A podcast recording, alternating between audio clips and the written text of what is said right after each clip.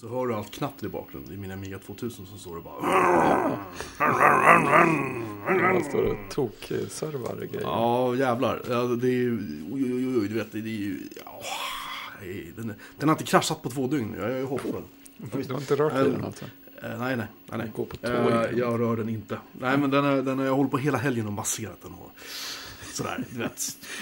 Här- klappat på den och kittlat den på rätt ställe och pratat snällt med den och bytt ut små drivrutiner här och små, små bibliotek där och liksom. Ja, Köpt exotiska mineraloljor. Ja, ja, och liksom gråtit en skvätt i hemlighet och, och, och sen så i söndags kväll sa jag att nej, nu får du baske med vara nog, kör. Ja. Och sen dess har den bara rullat. Ja, det faktiskt. den har, den har um, tagit trä i ett och ett halvt, ja, söndag eftermiddag var det faktiskt, ett och ett halvt dygn har den varit uppe. Mm. Och servat saker av bara den. Ja, men jag är medlem, nu är jag medlem i Fidonet, eh, Agoranet och någonting som heter Amiganet som faktiskt var eh, så här insomnat. Det fanns inte en, en enda nod kvar i Sverige. Så jag är ensam i Sverige om att ha det. På Jaha. min BBS. Och jag hör hur alla antecknar och bara mm, Ja, verkligen. Nu ska vi-. Telnetta så det bara ryker om det här. Japp. Gör. Det finns säkert någon som inte ens vet vad Telnet är. Men Telnet a deprecated keyboard.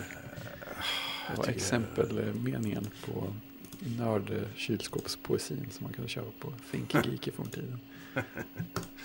eh, du, vi har, vi har, vi har massa, så här, vi har massa uppföljning idag. Ja, väldigt mycket så. Ja, det kommer massa mail. Har du sett det? Ja, det, man blir lika förvånad varje gång. Folk är Ja. så entusiastiska. Ja. Eh, först hörde Martin Karlberg av sig. Ja, det gjorde han. Han skriver så här. Nu ska jag, försöka, nu ska jag, nu ska jag inte försöka låta som dig Martin, men jag måste göra en annan röst. Tjena! I senaste podden pratade ni om ifall er skulle få en PFSense-router. Uh, ehm, och då undrar han sen om vi inte kunde prata lite om det i nästa avsnitt. Det vill säga det här avsnittet. Vilken hårdvara bör man tänka på? Han tänker nämligen bygga sig en PFSense-router. Mycket bra Martin, mycket bra beslut och mycket bra initiativ. Uh, Det man ska tänka på när man bygger en PFSense-router är att den ska vara snabb. Ju snabbare processor, desto mera eh, throughput, det vill säga genomströmning av data får du på alla nätverkskorten. För det andra måste du ha, eller du kan klara dig med ett nätverkskort faktiskt, men det hjälper om du har två, det är enklare. Du får gärna ha fler nätverkskort än två. Eh, ju fler nätverkskort du kopplar in och ju mer trafik du skyfflar, desto kraftfullare processor behöver du. Minne behöver du inte ha så våldsamt mycket. Jag har 2 gigabyte minne i de här maskinerna, det räcker. Ja, och vad, vad räknas som en snabb processor i sammanhanget? Eh, inte den som sitter i den här lilla maskinen. De klarar, där, där får vi någonstans mellan 400 och 500 meg- megabit per sekund i sån här throughput på varje interface. Vilket är liksom inte på något sätt en skandalsiffra. Men det sitter någon sån här 1,6 GHz Atom-processor i de här. De är alltså inte toksnabba, men de är väldigt tysta. Ja, Eh, Det finns mycket mer modernare Atom eller Celeron eller what have you på sådana här mikro ITX eh, moderkort, ATX, mikro, mikro ATX, förlåt. Jag tror de heter så, mikro ATX. Små moderkort i alla fall. PC-moderkort. Som drar väldigt lite ström, som är betydligt snabbare. Eh, Som inte kostar så våldsamt mycket heller. Så det, det rekommenderas varmt. Eh, Och i alla fall, snabb processor och ehm, snabba nätverkskort, alltså gigabit nätverkskort. Stoppar i nätverkskort som klarar 100 megabit, då får du inte ut mer än 100 megabit. Nej, det är lite rimligt. Och å andra sidan har du bredband som kanske är 10 megabit, då spelar inte det så stor roll. Nej, Har du bredband som är på 95 megabit så klarar du säkert bra på det också. Ehm, och sen generellt det är så här, läs på väldigt noga vad du gör när du sätter upp det. Pröva dig fram. Ehm, googla friskt. Ja, det finns mycket information att få. Det finns mycket, därför att PFSense är, det finns andra brandväggar. Jag har fram tills nu kört en brandvägg från ett företag i Göteborg som heter Från Götlaborg. Götlaborg. De heter Halon Security. Hallon. Hallån. Hallån. H-A-L-O-N. Um, de är jätteduktiga på spamfiltrering. Vilket Ja, du vet. ja, det vet jag. De är fantastiska. Och de är också jätteduktiga på att göra brandväggar. Men till saken hör att jag, eh, den licensen jag har eh, körs idag på en Xeon-server från Dell, en gammal PowerEdge 850 tror jag det är. Och den drar rätt mycket ström. Och tittar man på processorbelastningen på den där, framförallt när vi släpper nya avsnitt av den här podcasten, så brukar det dra iväg. Alltså bandbreddsmässigt brukar det dra iväg en sådär, jag vet inte, 400-500 megabit, kanske ibland ännu mer under kortare perioder. Mm. För det är så, när den här släpps då laddar alla podcastklienterna ner den som prenumererar. Då, blir det, ju- då smäller det ju bara. Japp. Och det tycker vi är jättekul. Då sitter jag ibland och skickar dig skärmdumpar på hur mycket Ja. bandbredd vi bränner. Men det man också tittar på i den här brandväggen är hur mycket processorkraft den använder. Den använder ungefär 1%. Den bryr Så det står, så 99% står bara och eldar för kråkorna. Ja, ja, det Så känns att- lite sådär. Det är fullt möjligt att jag gör så att jag flyttar min eh, Halo Security, eller Haloon Security, eh, Security Router som den heter. Kanske jag flyttar den licensen till den här lilla datorn istället. Jag får se. Mm. Jag ska pröva med PFSense. Jag körde PFSense mycket förut, för många, många år sedan. Sen har jag kört Halo Security i flera, flera år. Jag trivs jättebra med dem. De, deras brandvägg är dessutom mer liksom estetiskt eh, tilltalande och enklare att jobba med deras grafiska gränssnitt än vad Ja. PFSense är. För PFSense, man kan säga mycket om den, men den är inte vacker. Men väldigt kraftfull. Ja, det är lite så det brukar vara med sådana öppna lösningar för sådana Ja, grejer. Precis. Sjukt Ehm, kraftfulla och kanske inte alltid jättesnygga att titta på. Till saken hör också, ska jag säga, att eh, Halo Securities brandvägg som kort och gott heter Security Router, eller, eller SR, kan köras som en virtuell maskin under exempelvis VMware. Du kan köpa en sån appliance från dem. Det här är ingen reklam, utan jag bara berättar alternativen nu. Appliances är ofta trevliga, men de är ganska dyra och man slår i taket förr eller senare. Liksom. Sådär, även om de är fina och snabba nu, så en vacker dag så... Ja. Eller så kan man installera den på en vanlig PC, som jag just nämnde.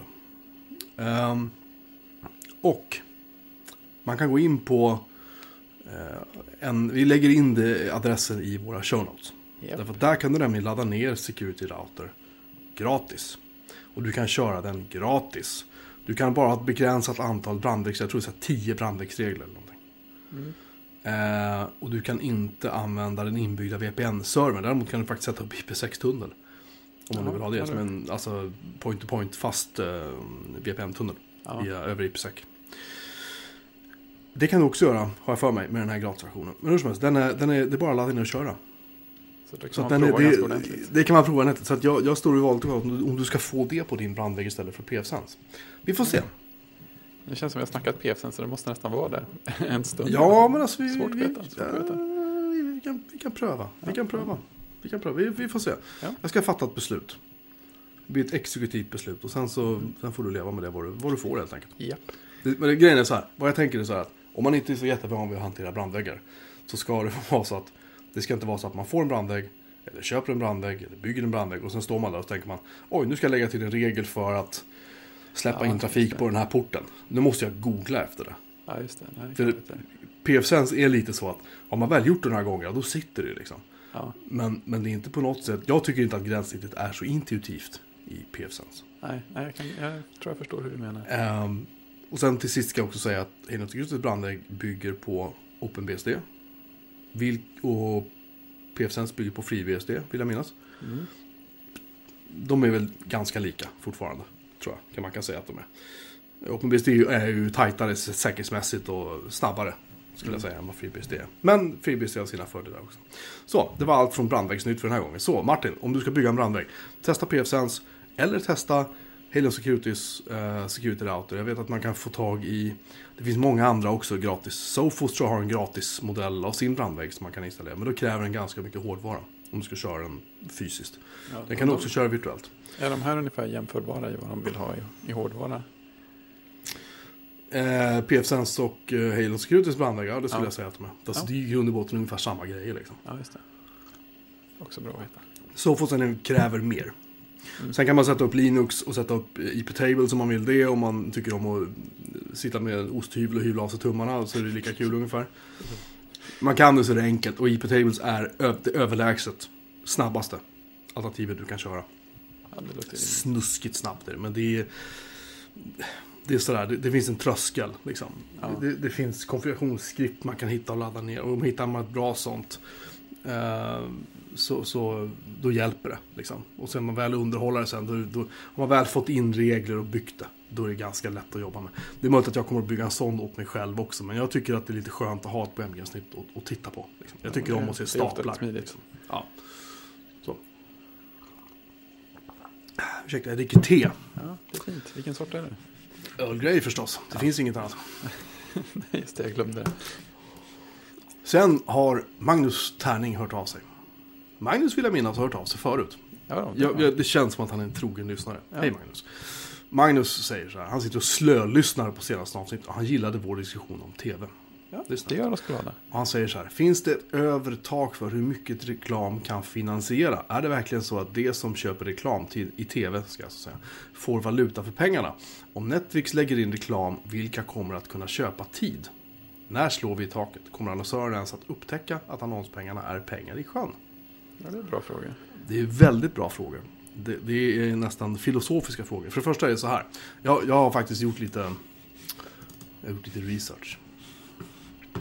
Jag tänkte att nu ska vi läsa på. Vi sa ju förra veckan att det fanns vissa begränsningar för hur mycket TV4 exempelvis får sända i reklam. Just det. Vilket de som lyssnade säkert minns. Och det är så att Konsumentverket har en utmärkt sida i, i ämnet. Som jag, faktiskt jag skickade till dig på slacken så du kan läsa med.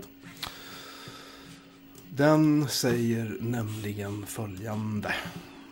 Att eh, det finns en rad regler för hur tv-reklam och radioreklam fungerar. De som vi pratade om förra veckan. Det krävs en särskild ljud eller bildsignatur före och efter. Tydligt skiljer reklamen. Det ska tydligt framgå att det är reklam. Personer som spelar en framträdande roll i tv-program som huvudsakligen handlar om nyheter eller nyhetskommentarer får inte uppträda i tv-reklam. Det här är också en viktig egenskap nu. Tv-reklam får inte vara riktad till barn under 12 år. Det är inte tillåtet att annonsera omedelbart före eller efter ett program som huvudsakligen vänder sig till barn under 12 år. Programmen, barnprogram får inte heller avbrytas för reklam. Personer eller figurer som spelar en framträdande roll i sådana barnprogram får inte uppträda i annonser. Det kan man hålla lite ögonen öppna. Det är lite kul faktiskt. Eh, Sveriges Television får inte sända reklam. De får däremot ha sponsorskyltar. Produktplaceringar tillåten i filmer, tv-serier och sportprogram och program med lätt underhållning. Vad det nu är kan man också fråga sig. Förutsatt att programmet inte huvudsakligen vänder sig till barn under 12 år. Produktplaceringen får inte medföra att kommersiella intressen gynnas på ett otillbörligt sätt. Och sen så eh, finns det då, eh, man får inte ha sponsorer som representerar eh, alkohol, tobak och så vidare. Det är ungefär samma regler för radioreklam. Sen också handlar det om hur mycket tid som de får ha. Ja. Det är nämligen så här att fram till och med 2007 tror jag det var. Så fick TV4 sända. För det här handlar om TV4 för det är enda kanalen som sänder reklam som eh, där det har liksom reglerats av staten hur mycket reklam de får sända. Eh, och självklart rör det här också radiokanaler. För att de har ju fått sändningstillstånd. Men i TV4 när vi pratar om tv-reklam. Så finns det då eh, Fram till år 2007 så var det 6 minuter. Sen så bestämde sig den dåvarande eh, borgerliga regeringen att det här, alltså grejen var att då var det så att eh, TV3, kanal 5, alla de här, de ehm, regleras av regler i England eller i Luxemburg eller var de råkar sända ifrån. Där de är mycket mer generösa. Och där ligger det, om jag har förstått det, någonstans mellan 12 och 15 minuter per timme. Mm. Så Och då det var bestämdes- sex minuter per timme. Det var 6 minuter per timme fram till år 2007. Ja. Då eh, Lena Adelsohn Liljeroth, den dåvarande kulturministern, eh, och eh, med regeringen bestämde att eh, efter misstänka väldigt hård lobbying från TV4 eh, bestämde då att den här tiden skulle dubblas till 12 minuter per timme. Bra Mellan hel- kulturminister. Eh, Ja, mell- mellan hela klockslag. Och då så är det då, säger TV4 har faktiskt själv publicerat de här reklamreglerna, det måste man säga, det hedrar dem. Och då står det så här, annonser får sändas under TV under högst 12 minuter per timme mellan hela klockslag. Trots vad som anges i första stycket av den här reklam, reklam och tv-lagen, radio och tv-lagen, förlåt.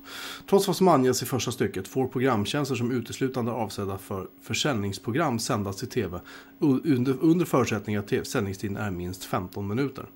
Försäljningsprogram är alltså till tv-shop exempelvis, Ja, just det. om jag har förstått det rätt.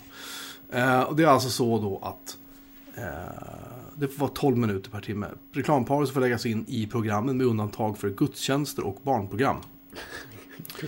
Det är upp till tv-bolaget att avgöra var reklampauserna ska läggas in. Och när det gäller reklam i nyheter och biograffilmer får reklamen läggas in med 30 minuters mellanrum. Man får, det finns inga- får man ha reklam i biograffilmer? Ja, det får man ha. Det var ju så att eh, Vilgot Sjöman tror jag det var och eh, Claes Eriksson heter han var från Galenskaparna. Mm. De stämde ju TV4 Ja, för att de, la in reklam i deras filmer. De fick ju rätt också, då i alla fall. De fick rätt. De gick ända upp till högsta domstolen vill jag minnas. Mm. Där de faktiskt fick rätt. Men sen ändrades reklamreglerna av staten istället. Så då löste vi det problemet. I alla fall. Mm. Om jag minns det här rätt nu. Ja, det det är en liten parentes där. Eh, det är också nämligen så att det finns inga regler för hur ofta samma reklaminslag får visas. TV4-gruppens kunder, det vill säga annonsörerna, bestämmer själva hur många gånger reklaminslagen ska visas. Annonsörerna bestämmer även hur själva innehållet i deras reklam ska se ut. Men det finns också saker och ting. Eh, det, också, det kan vara också intressant att veta då att eh, TV4-gruppens kanaler har då fått sändningstillstånd. Och den här reklamerna gäller då alltså TV4, TV4 HD, 7 TV11, TV4 Fakta, TV4 Film och TV4 Sport. Och övriga TV4-kanaler sänds via satellit och kabel-TV och för de distributionsformerna behövs inget sändningstillstånd. Och där kan de vräka på med precis hur mycket reklam de vill. Jaha, så det är man fri. Det kan vara också sådär intressant att veta. Ja. Ehm, sen så... Eh, vad är det med? Just det, de får inte ha politisk åsiktsreklam också. Eh, eh, finns det då regler för hur mycket åsiktsreklam och politisk reklam är en sån där grej som är en sån här het potatis. För det var någonting som blev tillåtet i samband med förra valet va? Eller om det var förrförra, jag minns inte. Jag vet inte om du minns det förra valet så var det ju en del av Sverigedemokraterna reklamfilmer. Som det blev ett väldigt rabalder om. Mm. Um, alltså det här, det här är ganska, det här är ganska... Det är inte säkert kul, men det är intressant att se hur det här faktiskt fungerar. Att det faktiskt är staten som ger TV4 någon sorts liksom, tillstånd att göra vad de vill. Och då vad Magnus undrar är då liksom, finns det ett övertag för hur mycket reklam kan finansiera? Nej, TV4 är ett aktiebolag. Och de har till uppgift att tjäna så mycket pengar som möjligt så att de kan ge det till sina aktieägare. Så att nej, det finns inte ett övertag. Det enda som TV4 kan göra hela tiden är att höja priset på sina annonser. Alltså det vill säga annonstiden, annonsslottarna som de har när de sänder TV. Och eh, det är någonting de gör. Det har de gjort senast bara för någon månad sedan. Så jag, jag tror jag nämnde det förra gången vi pratade om det här. Att, att deras annonsdirektör stod sig för bröst och sa att de har aldrig haft så mycket liksom, Nej, efterfrågan som nu och det går skitbra nu liksom. Ehm, och sen säger de också det, är det verkligen så att de som köper reklam till får valuta för pengarna? Det är svårt att svara på. Det påverkar nog, tror jag. Framförallt är det ju så att som vi just läste så finns det ju inga regler för hur ofta samma reklaminslag får visas. Och det är ju det som gör att det fastnar i huvudet på folk. När du dunkar in samma budskap om och om, och om igen. Ta bara eh, eh, alla som har barn vet att när deras barn börjar sjunga någonting om fredagsmys. Ja. Var kommer det ifrån? Jo, det kommer från en reklamfilm. Jag kommer ihåg när det var någon kyckling... Eh, eh, tillverkare höll jag på att säga fel ord. Kycklingkonstruktör. kyckling- Kycklingkonstruktör. Eh, som hade någon, någon jätteostig låt om att det var fredag minsann och kyckling på fredag och bla bla bla. Ja, så en låt som man bara hatade. Men det, det är säkert fem år sedan. Den sitter fortfarande i huvudet. Man hörde den där om och om och om igen. Ja. Ta ICA-reklamen. De, de visar dem kanske, de kör inte samma film så många gånger varje vecka. Men det sitter. Ja, Så att det beror helt på hur budskapet är utformat. De, de, de reklamfilmer som jag tror går sämst, det är de här lökiga tyska reklamfilmerna för tvättmedel och choklad och så. Ja, så här dubbade. Ja. Det är roligt, det är, de är tydligen lika hatade i resten av Europa också. Jag så, såg en, en fransk, rätt svart satir över reklamvärlden i Frankrike. Där, Ja. Som handlar om en reklamkille som han går in i någon slags drömvärld och så kommer han in i en studio där, de, där det kommer en sån här perfekt eh, tandblekt eh, familj som, som liksom pratar franska med munnarna rör sig helt annorlunda så börjar han skälla ut dem och säger att förresten så är ni inte ens fransmän, ni är holländare allihopa.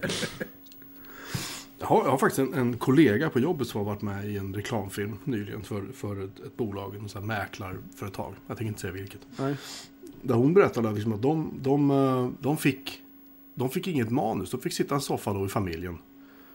Eh, Jag tror ett av barnen ville inte vara med för de tyckte det var lite jobbigt.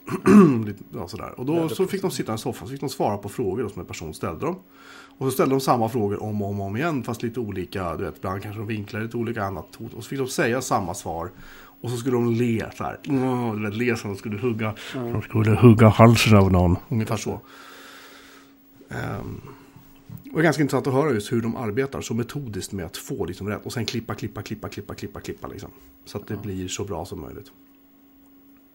Och en annan kille jag känner, han gör mycket voiceovers för eh, reklam eh, i radio och i, i tv.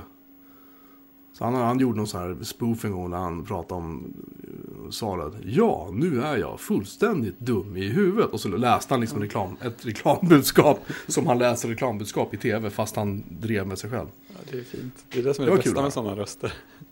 Ja, men det var just det att jag visste inte om att han gjorde det förrän jag hörde i tv och sen så tänkte jag, men vänta nu, det är ju han. Och sen förstod jag att det var han liksom, och så Mm. började vi prata om det. Jag visste inte om att han gjorde det. Nej. Det är ju fint. Så, ehm, och det Magnus också undrar är liksom om, annonsörerna upptäcker att det är pengar i sjön. Ja, jag tror att mycket av det är det. Men mycket handlar inte om att... Jag, jag, jag tror så här, jag tror, att, jag tror att om Volvo kör en ny reklamfilm för en ny bil i tv. Och så kör de, men säg att Zlatan är med, för det har han väl varit tror jag några gånger. Och så tror jag inte att de förväntar sig att de kör en reklamfilm på fredag med Zlatan i en ny Volvo. Så tror jag, jag tror inte att de förväntar sig att måndag förmiddag kommer det vara kö in till alla Volvo-handlare. Nej. Men vad de gör är att de bygger en känsla runt varumärket och sen den dagen när du ska köpa en ny bil. Så kanske det, kanske det är så att du eh, knallar iväg till en Volvo-handlare istället. För att du går till något annat märke. Och med tanke på vad det kostar att sända en sån där reklam. Det kan det, ko- säg att det kostar, jag vet inte, säg att det kostar en miljon per gång de visar det. Bara för att hitta på ett hittepånummer liksom.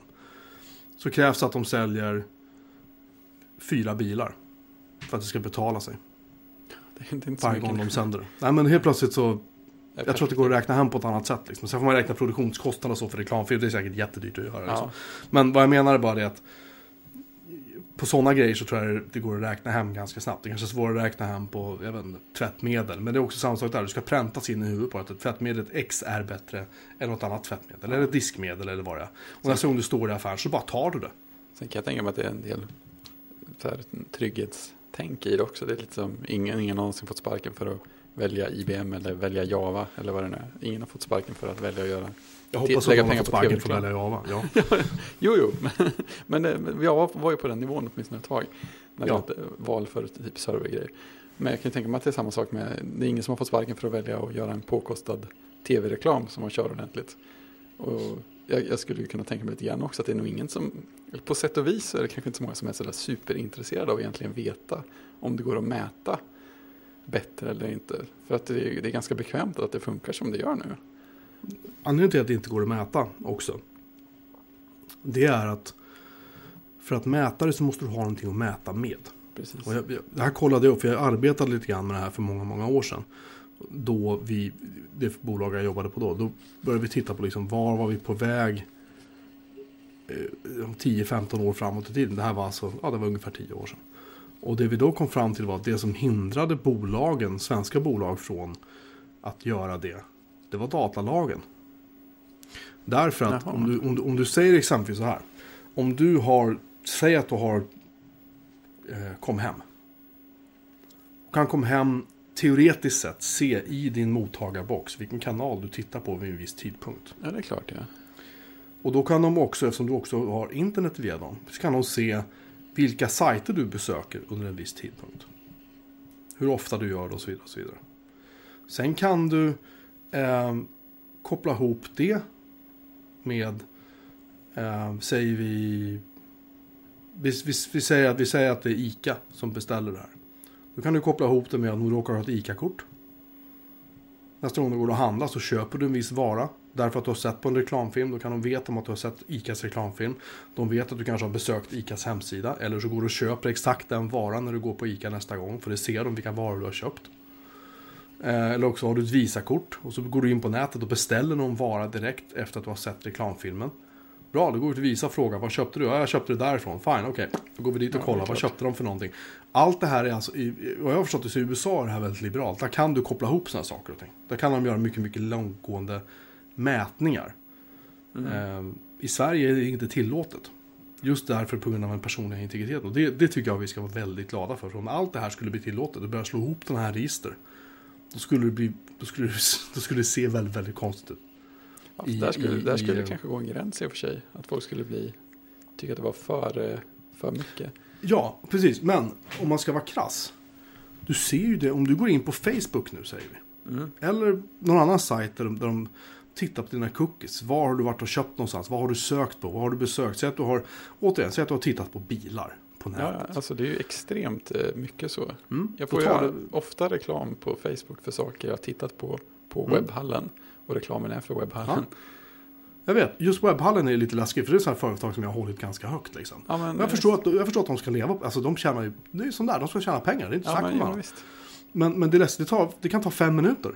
Så Ja. dyker det upp banners och små grejer överallt helt plötsligt för, som du säger, saker och ting som man har tittat på på nätet. Mm. Det är ju fruktansvärt obehagligt. Men om du tänker dig då att du gör det här i en större skala. Att du helt plötsligt börjar liksom titta på vad tittar du på för tv, vad har du besökt Mm. för sajter, vad var det du köpte sist, vad var det du köpte det någonstans. Eh, var var du någonstans när du köpte det? Oj, vi kan titta vad din bil var. Vi kan titta var du har åkt någonstans med ditt SL-kort. Vi kan, förstår du? Alltså det, Mm, mm. du, kan, du kan gå hur långt som helst. Allt det här finns. Allt det här, all den här datan finns lagrad i olika Ja, ja, register. Det och sen finns det ja. regler och lagar för hur länge du får lagra den här datan. Jag tror att SL, vet inte hur länge SL lagrar sånt där. Om det har gått igenom. De kanske inte ens gör det i spärrarna här i Stockholm. Jag vet inte, men säg att de gör det. Liksom. Eller Göteborg med, med lokaltrafiken på, på spårvagnarna. Liksom. De ser ju inte var du går av någonstans. Men de ser ju kanske hur många sådana här äh, klick eller vad ni kallar det för som man Ja, kör. ja. Eller något sånt. Då kan de ju räkna hur långt du åkte ungefär. Liksom. Ja, men precis. Ja, det finns Eller, eller, eller, ännu bättre. Vad är det vi alla bär med oss varje dag? en telefon kanske? En telefon med en GPS-mottagare. Eh, som gärna pratar, som gärna chattrar väldigt mycket med lokaliseringstjänster. Sen när det börjar komma in så här uh, iBeacons i alla köpcentrum helt plötsligt. Och hej och hå vad företagen kommer att veta mycket om oss då. Mm. Eller om du kör in i parkeringsplatsen på vilket stort köpcenter som helst idag så vill de hemskt gärna sätta upp eh, skyltar, eller vill de sätta upp avläsare som läser av dina registreringsnummer. Det gör de bland annat i Kista har jag upptäckt. För där läser de av, det är sätt för dem att mäta när du kommer så att de kan ta betalt för din parkeringstid. Täby ska göra likadant norr om Stockholm. Det finns andra köpcentrum som har gjort det i hemlighet. Inte för att de ska ta parkeringsavgift. Utan bara för att de ska se att du har varit där. Mm. Den informationen, sen, vad gör de med den? Jo, det säljer de. Men det får de inte göra, ser du. Så det har de fått. Så att, eh, bara för att knyta upp säcken på det där, väldigt lång utläggning. Eh, det är så här, alltså, vi är på väg, men de försöker, många företag försöker hela tiden med myrsteg, tänja på reglerna, göra saker och ting genom att inte säga någonting. Eh, för det är någonting som jag har skrivit om många, många gånger också, liksom, att, att informationen om dig, det är du som är handelsvaran. Det har aldrig varit mer sant än idag. Du och i förlängning din plånbok. Det är det de vill åt liksom. Ja. Det var väldigt deprimerande, men eh, tack Magnus för att du hörde av dig. Så vi fick eh, bli deprimerade. Nej, skämt åsido. Vad har vi mer att, att, att följa upp? Jag tog mitt dokument. Där ska vi se. Just det, du har köpt en PS4. Ja, Nu ska vi ha kvartssamtal. Berätta. vad har hänt? Vad, vad, hur tänkte du nu? jag ville ju spela Firewatch. Okej, det är lugnt. Ja, precis. Bara, End of story. Liksom. Ja, men det är lugnt. Vad mer finns det? Det, var allt jag behövde. Ja, nej, men, nej det, det bara rullade på från det. För eh, grejen var att ja, det, är ett, det är ett nytt spel som har fått ganska bra kritik som verkar vara så här mysigt stämningsspel. Fruktansvärt bra kritik har du fått. Ja, ja men visst. Och, Ja. och det är kul för oss lite Mac-nördiga att eh, företaget Panic har varit inblandade som någon slags producenter av det. Och det Fina finansiärer tror jag också. Ja, de måste vara det Ja. Och liksom Panic jag har ju alltid känt som kvalitet i mina, mina ögon. Så det vill jag ju gärna spela. Och det finns ju till Mac. Men sen så insåg jag att alla mina Macar är naturligtvis alldeles för klena för att eh, kunna köra det rimligt. Det är till och med så att väldigt många väldigt mycket nyare Macar är för klena för att kunna köra ordentligt. Jag tror att Eh, de, f- Får jag bryta av bara där? mm, Jag, jag, jag, har, jag, har ju en, jag har en väldigt ny Macbook Pro. mm, Nu ska vi se. Nu ska, nu ska jag tala om för dig vad jag vad jag har för grafikkort i den här. Och så ska du tala om för mig om jag kan köra Firewatch på min Mac. jag blir så lat så jag inte kollat. Det känns bra va? Du är min support nu. absolut. Jag har ju support till alla andra hela dagarna. Så Ja, jag, någonstans får det finnas lite rättvisa. Jag har ett Intel Iris Pro med en och en halv gig grafikminne. Det är allt. En och en halv, ja. Nej, nej. Det, deras minimum spec säger Nvidia eller ATI GPU med en gig minne. Eh, och så, så har de en speciell supportfråga. What about integrated GPUs? Så står det att de, No. de, de, de stöder vi officiellt inte. För att det är för stort eh, prestandagap mellan integrerade och dedikerade GPUer. Okej, det kommer att Eh, dölja innan jag får spela. Eller så- dölja. The game as it exists may still work on some integrated GPUs. However, you may have bouts of hitching or sub 30 FPS gameplay. We do, Okay. not, we, do, we do not enforce a dedicated GPU, but we do recommend one for stable frame rate. Eh, ja, Mm. så att- Ingen av mina mackar har något vettigt grafikkort i sig. nej, man kan ju tycka att den där jobbdatorn borde ju, borde ju funka rätt bra ändå. Den har ju, den har ju minnet och allt annat som krävs. Jag gissar att man kan ställa ner spelet en del också. Men, eh, kan man säkert göra. men, Nej, men jag, får, jag får helt enkelt be, någon- be chefen köpa en ny, för det här går ju inte. Okej, Just men det. fortsätt. Berätta. Har du spelat Firewatch? ja, jag började på det igår. Ah, berätta, berätta. Ja, det är, det, det är ju det är verkligen ett stämningsspel. Ett sådär, det, är ett, det är ett vuxet stämningsspel får man säga. Det, det, det, berättar verkligen en historia och sätter, sätter en stil. Och det är väldigt lugnt och sådär. Man, man, spelar ju en, en man som har tagit jobb över sommaren som sån här ja, Firewatch, eh, eldvaktare. Man sitter i ett torn. Brandvakt. Brandvakt, ja just det. Man sitter i ett torn ute i ödemarken i Wyoming. Och man har kontakt med en kvinna i nästa torn som verkar vara någon slags samordnare. Via en eh, handradio så att man an anropar varandra och sådär. Så, så, börjar, så händer det lite saker i, ute i ödemarken sådär som man får gå ut och reagera på.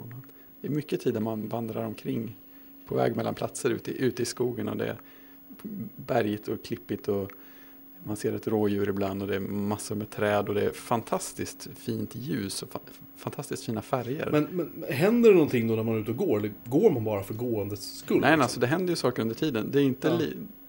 det- är inte fullt så långsamt som det kanske låter när man beskriver det så här. Men, men eh, det är ju framförallt de här radiokonversationerna som driver handlingen. Och sen så liksom man, man passerar saker och hittar saker. Och det finns ju helt klart ett så utforska moment i världen också. Men det är inget sånt här spel där det händer saker precis hela tiden. Men det är, en story som börjar, som börjar utvecklas och sådär. Eh, jag har inte kommit så långt i det än så att... Det, är inte det, det, det, är inte som Far Cry liksom, när man går Nej. och så helt plötsligt så hör man musiken bom, bom, bom, bom, bom, bom, och så vet man att nu dör jag. Nej, precis. Här är det mer så här, man, man, kommer in i en, en glänta och så ser man solljuset sila ner mellan träden och så bör, då kanske de börjar spela lite stämningsmusik i bakgrunden och sådär. Ja, det, mm. det är mysigt. Tyckte du det var värt att köpa en PS4 för? Inte bara för det spelet, men jag, känner att det finns nog några spel till där. Som kan vara värda att spela. Vad, vad, vad kostar en PS4 nu för tiden om man får fråga? Eh, hur var det nu? Tre och fyra? Har vi inte mer? Nej, jag, jag, så, så tänkte jag också. Det, och då är det med 500 gig disk. Och det tror jag Men var, men var inte de så tokdyra när de kom? Jag, jag, hade, jag trodde det också, fast det kanske var ett PS3-orna. Jag vet inte om den här generationen började lite billigare än den förra gjorde. Jag, vet Nej, jag katten. inte. Men jag, men jag blev precis som du lite så här positivt överraskad när jag kollade priset. Och så. Men, eh, för det är ju Xbox One Mm. och Playstation 4, det är de två som liksom... Ni- Nintendo är helt borta liksom. Eller? Ja, de säljer ju nästan ingenting i jämförelse. Det är väl PS4 som säljer rätt mycket mer än... Det var min nästa fråga, vilka är det som säljer mest? För jag har hört någonting om att först var det typ så ett lopp mellan, mellan Mm. Nintendo, eller mellan eh, Microsoft och eh, Sony. Ja, som jag, som jag minns det så är det, så är det PS4 som säljer, säljer allra bäst. Jag tror inte Xbox One säljer dåligt, men PS4 säljer bättre. Och är väl rakt av kraftfullare också tror jag. Åh fan. Jag, Ja, tror att, ja, jag tror att den, jo, den är väl kraftfullare. Så, och, och den, jag tror att den var mycket lättare att utveckla för än, än Playstation 3 och Playstation 2 som var så här. Framförallt 2 var ju berömt svår att eh, få bra prestanda ur. Man, den, var, den var så olika allting annat som fanns. Men eh, 4 är mycket mer en vanlig dator. Var det inte Playstation 3 man var tvungen att ha en, en PowerMac G5 för som utvecklings... Jo, det stämmer nog. Den, den hade, Nej, nej, nej, nej, det var Xboxen va? Xbox 360 var det, förlåt. Ja, det kan stämma. Ja, men just för det var Microsoft som tvingades köpa en massa det, G5-or. Det kan ha varit båda delar, för det, det, det tänkte jag på. Men det var ju flera, eller åtminstone den konsolgenerationen var det ju typ Intel som gjorde alla, alla CPUer till alla, alla, alla konsolerna i den generationen. Mm. Det var olika varianter på power-arkitekturen så eh, det kan ha varit rätt många G5 inblandade på alla håll och kanter där. Just det, för det gick bara att köra utvecklingsverktygen på, på G5-or. Jag antar det. Uh, och så att det var även någon som satt och utvecklade som tredjepart som var tvungen att köpa G5. Så Ja. Sen, sen, så, sen så portade de säkert det där för Microsofts, utveckling. Microsofts utvecklingsmiljö är väl väldigt lik. Jag tror det är väldigt, väldigt eh, likt eh, att utveckla för Xboxen och sen, eller åtminstone väldigt, väldigt lätt att porta saker till, till Windows sen. right. Och det har nog bara blivit mer så med tiden också. ja, det, förkl- det kan man ju tänka sig i och för sig. Ja, ja men det var väl väldigt mycket så, alltså hela den här DirectX-teknologin som de tog, började ta fram till Windows 95 typ. Det var väl en del av grejen med Xboxen att det var i princip DirectX-utveckling på Xboxen också. Ja, men det var alltså, nej, första Xboxen var ju en... Det var en Pentium 3 med en specialhackad version av Windows 2000. Ja, så var det, just det. Mm. Windows 2000 Och kärnan. det fanns, det fanns ju rykten om att, att Saddam Hussein hade försökt köpa Det var en PS2 större, tror jag. en större mängd... Nej, var det det? Ja, Men det, det var- så. Det var någon diktator i alla fall som Ja. tydligen pratade om att... Nej, nej, förlåt, nu minns jag fel. Det var någon som tog eh, typ så här 50 Xboxar och byggde ett kluster av det. Det var det säkert ja. Det. Tänkte För det, det, det och gjordes. Det, där ska vi kolla upp. Det är ju häftigt liksom. Ja, Jag måste googla lite på en gång bara. Lalalala. För det är viktigt. ja, det är det. Nej men och sen är det ju lite kul. Här, oj Jesus. Ja, Det finns faktiskt ett kluster som heter Be, The Be, a Beowulf Cluster.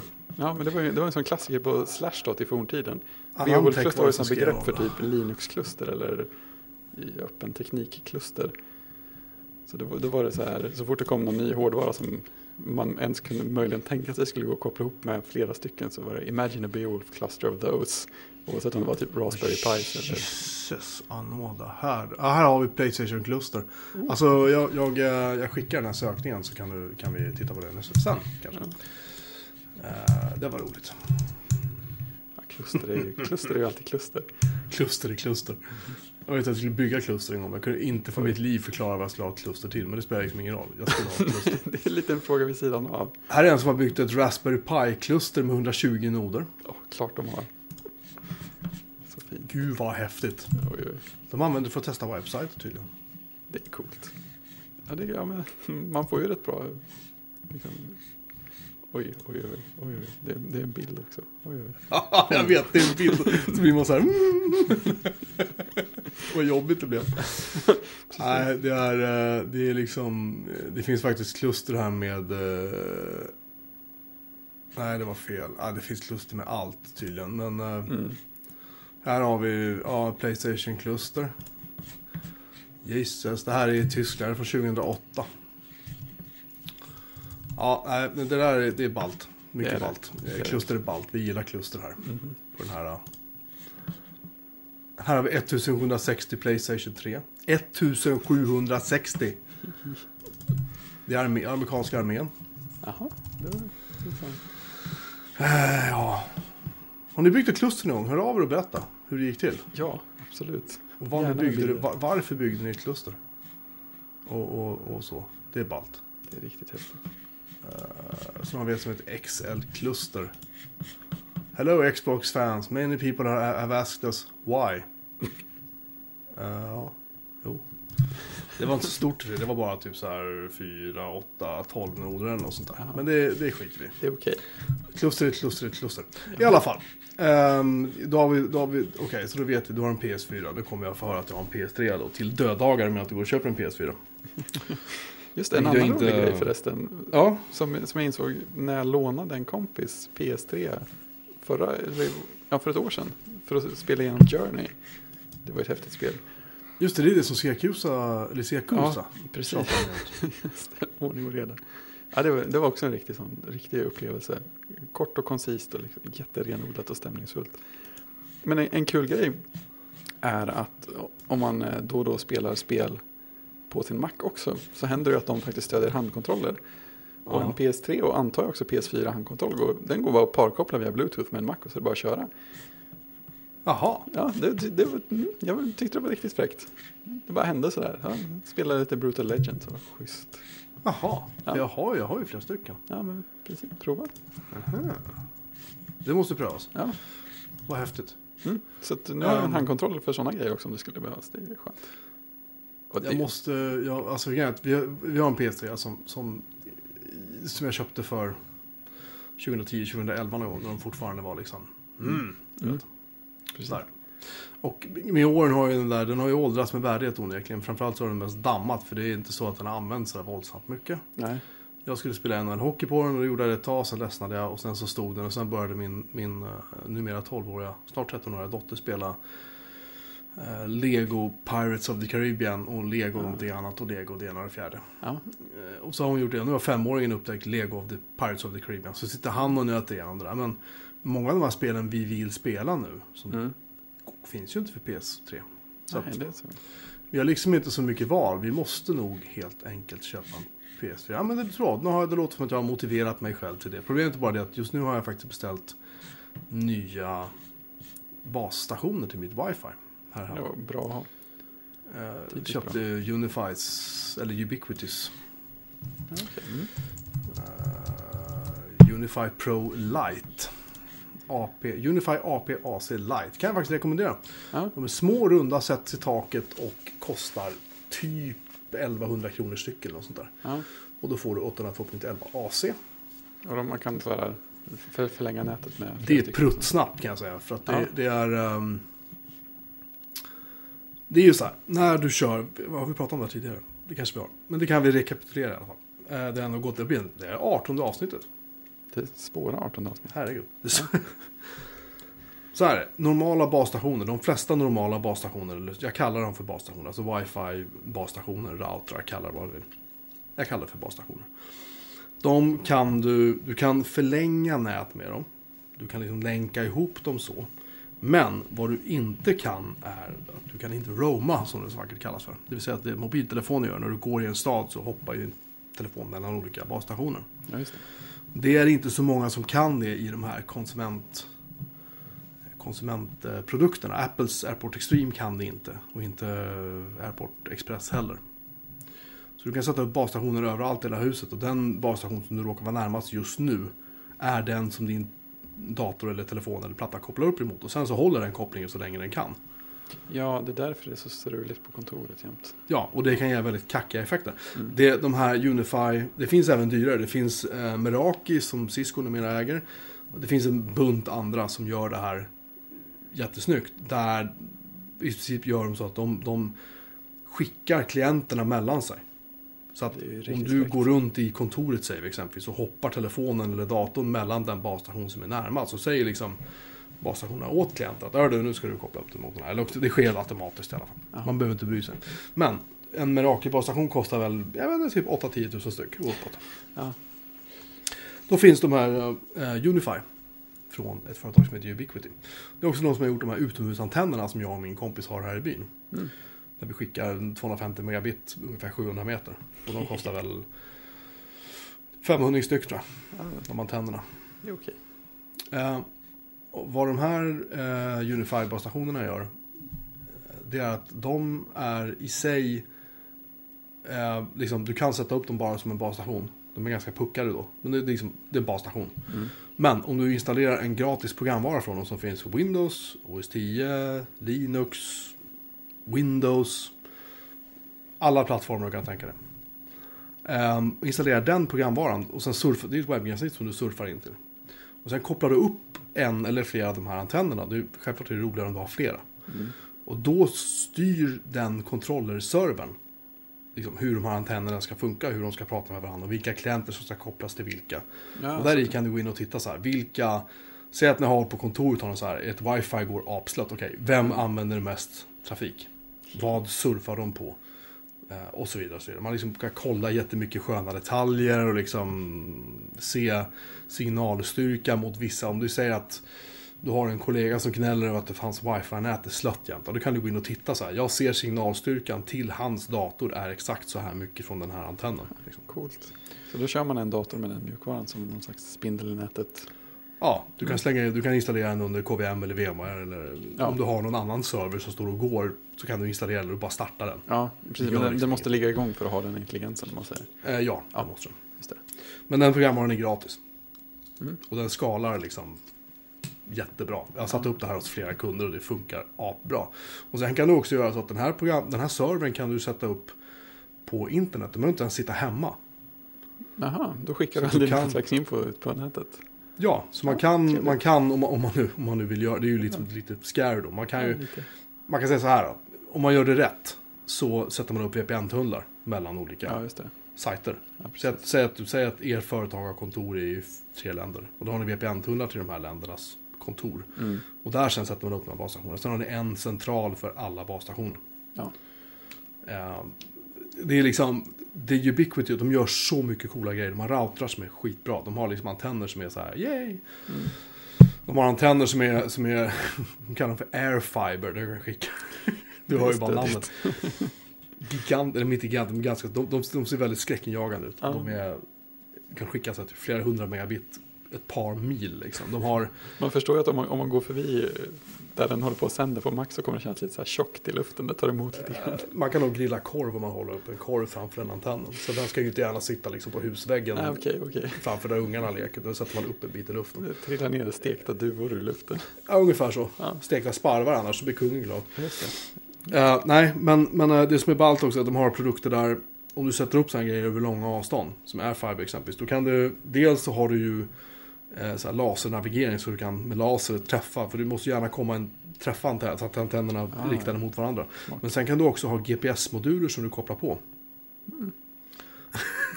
så att du har, du har en, en, en, eh, en styrenhet som talar om, så, så pratar den ena antennen med den andra antennen via GPS och så kan du få upp på en skärm så okej nu behöver jag flytta den antennen. Jag måste sätta den här antennen här och här liksom, för att Mm. det ska bli bra. På den här höjden också Ja. helst. Och så, alltså, ja, det är fantastiska prylar. Ja, det är coolt. Och billiga liksom. Ja, men den här antennen kostar 1100 spänn och du får Ja, det är oväntat lite. 867 megabit på 5 GHz bandet. Och du har Power over Ethernet. Ja. Då är det ju perfekt, alltså den där mjukvaran, det måste ju vara en av de perfekta grejerna att ha en Raspberry Pi till. Ja, ja. Det är ju hur fint som helst. ja, ja. Alltså, jag, jag vet inte om det finns på ARM-plattformen. Det, skulle är det som är grejen. Jag tror att det krävs en Intel-propp för att det ska funka. Det är väl enda avret liksom. Men men, i alla Ja. fall. Det, det, det är mitt lilla tips att man ska se över sitt wifi-nät. Vi har haft samma Airport Express och Airport Ex... Jag har faktiskt ingen Airport Extreme. Jag har en uh, Time Capsule, första modellen. Så jag har haft Ja, samma grejer i... Sen vi... Ja, vi har haft det tio år. Ja, då börjar det vara värt att investera lite nya saker. Och jag har prövat en 812 AC-router från, från Delig. Alltså jag fick de här Delig för jättelänge sedan för test och sen ville de inte ha tillbaka dem. Nej. Det är så det brukar bli. Och då har de bara legat och dammat. För de, de, de funkade bra ibland. Ja. Men grejen var att då var 802.11 AC-standarden så ny. Så att det var liksom inte stabilt. Då kunde Nej. jag bara att telefonerna kunde funka jättebra. Medan datorn bara blip, tappade kontakten efter en stund. Liksom. Nu funkar det klockrent med den här, ska jag säga. Men problemet är att den är inte så vacker. Den går inte att takmontera. Jag vill inte Nej. bara ställa upp en på en hylla någonstans. Jag vill takmontera den och dra, dra kablar och köra power ethernet och hej och. Liksom. Göra det snyggt. Men det, ja, precis. Och det jag upptäckt då med den här uh, D-Link-routern är att den, även om den står liksom inne i en klädkammare i ena änden av huset så får jag täckning i princip hela huset från den. Helt okej. Och det, och det krävs tre Airport Express och en Time Capsule för att få Ja. nästan lika bra täckning. Jag får så sämre täckning med alla dem. ja, just det. Och då får du ingen roaming heller. Nej. Nej. Så jag kommer sätta upp två sådana här. Um, Unify Ja. basstationer. En på varje våning. Ja. De är skitsnygga. Så Ja. det rekommenderas. Vi lägger in en, eh, en länk till dem som man kan läsa om man är nyfiken. Det är faktiskt enda basstationen jag skulle rekommendera. ärligt talat. Ja, I dagsläget. det säger det. Ja, men alltså, så här, bor du i en lägenhet? Ja, men, köp en Airport Extreme då. De är, skit, de är ju jättebra. Ja. Alltså, de är snabba, bra täckning och allt det. Inget snack om det. Men så fort du behöver ha fler grejer. Ja, ett Då kontor är det liksom inte värt det längre. Eller i ett kontor liksom. Ja, Eller i en villa eller what have you. Liksom. Det är liksom inte värt. Du kan inte hålla på med det där. Du måste ha bra grejer. så jag måste säga en grej till angående Playstation 4 Mhm. och handkontrollen och så. Och så. Mhm. Eh, för att den nya gimmicken är, jag antar att den här heter DualShock 4, handkontrollen. Eh, den nya gimmicken är att den har en, en touchkänslig yta ovanför, eller ovanför och mellan de här två joystickarna. Så Aha. mitt i är en touchkänslig yta, då tänker man ja det är kul, det kommer säkert användas i ett spel. Och sen så startar man PS4 första gången och så ska man ju hålla på och skaffa tio olika konton och fylla i uppgifter och ange lösenord och så här. Åh herregud. Ja, och då får man upp ett sånt här teckenfält som är, det är väl QWERTY upplagt typ.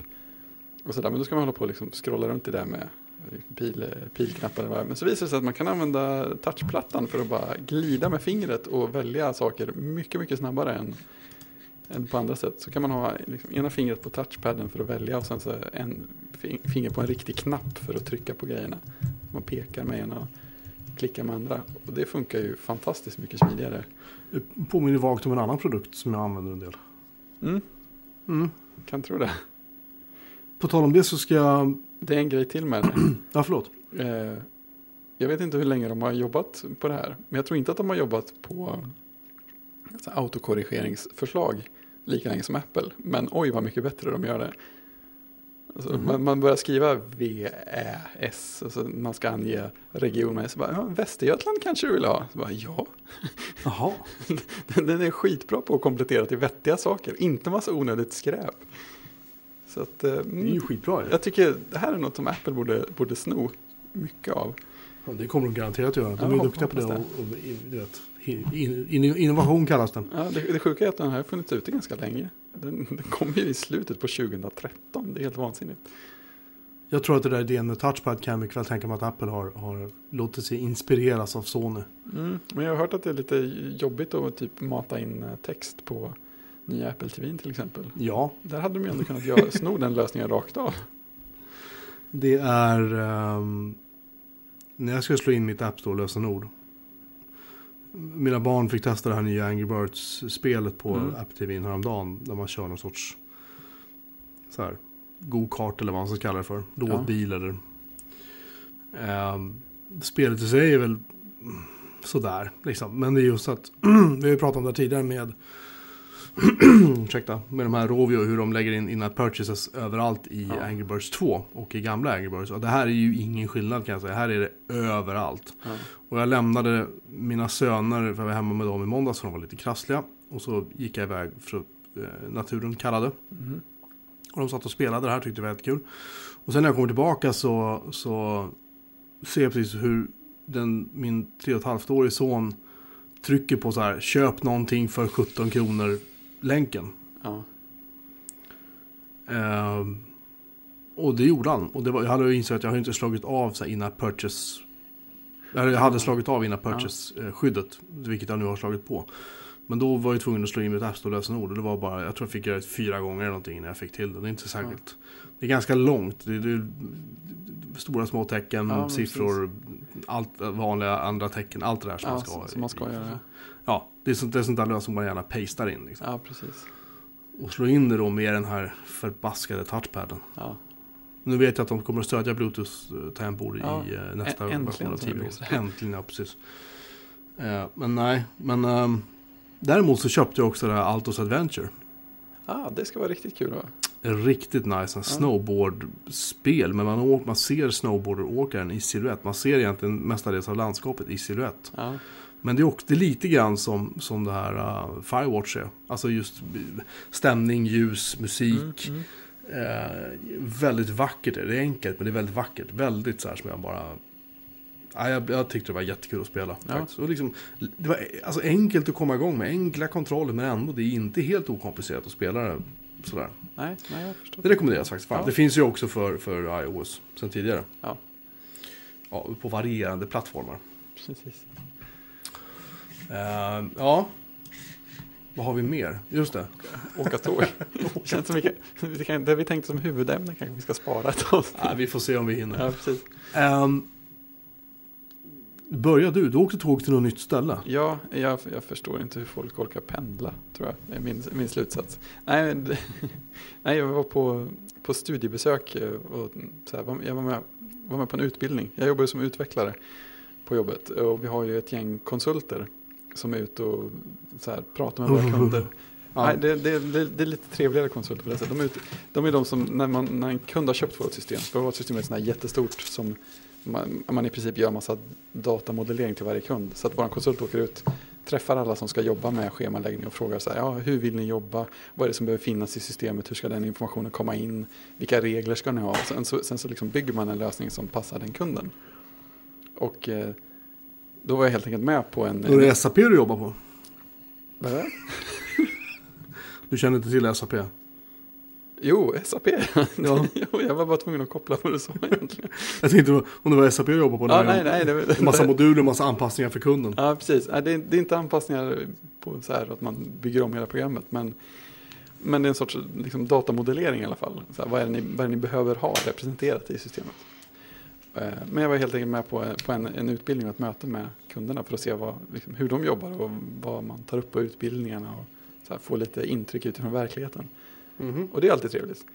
Men eh, det roliga var ju, det som jag märkte som jag tyckte var roligt var att jag åkte en, en helt annan rutt än jag har gjort någon gång innan. Så här, borta i trakter som jag inte brukar vara, Jönköpingshållet. Och fick ju byta tåg ett varv och åka med något sånt här mera lokaltrafiktåg. Och då plötsligt så, så åker man ju på, förbi och stannar på ställen som man aldrig hört talas om förut. Det är lite exotiskt. Så. Massa, konstigt, massa små orter som man inte ens kan placera i närheten på kartan. Jag gissar att det är ganska nära Jönköping, men vem vet? Pass, passerar du Borås? Nej, Borås navigerar vi undan för. Vi åkte till alltså, ra, raka vägen mot Skövde fram till Falköping och sen bytte på något varv där. Jaha. Lilla, lilla Jerusalem. Mm, precis.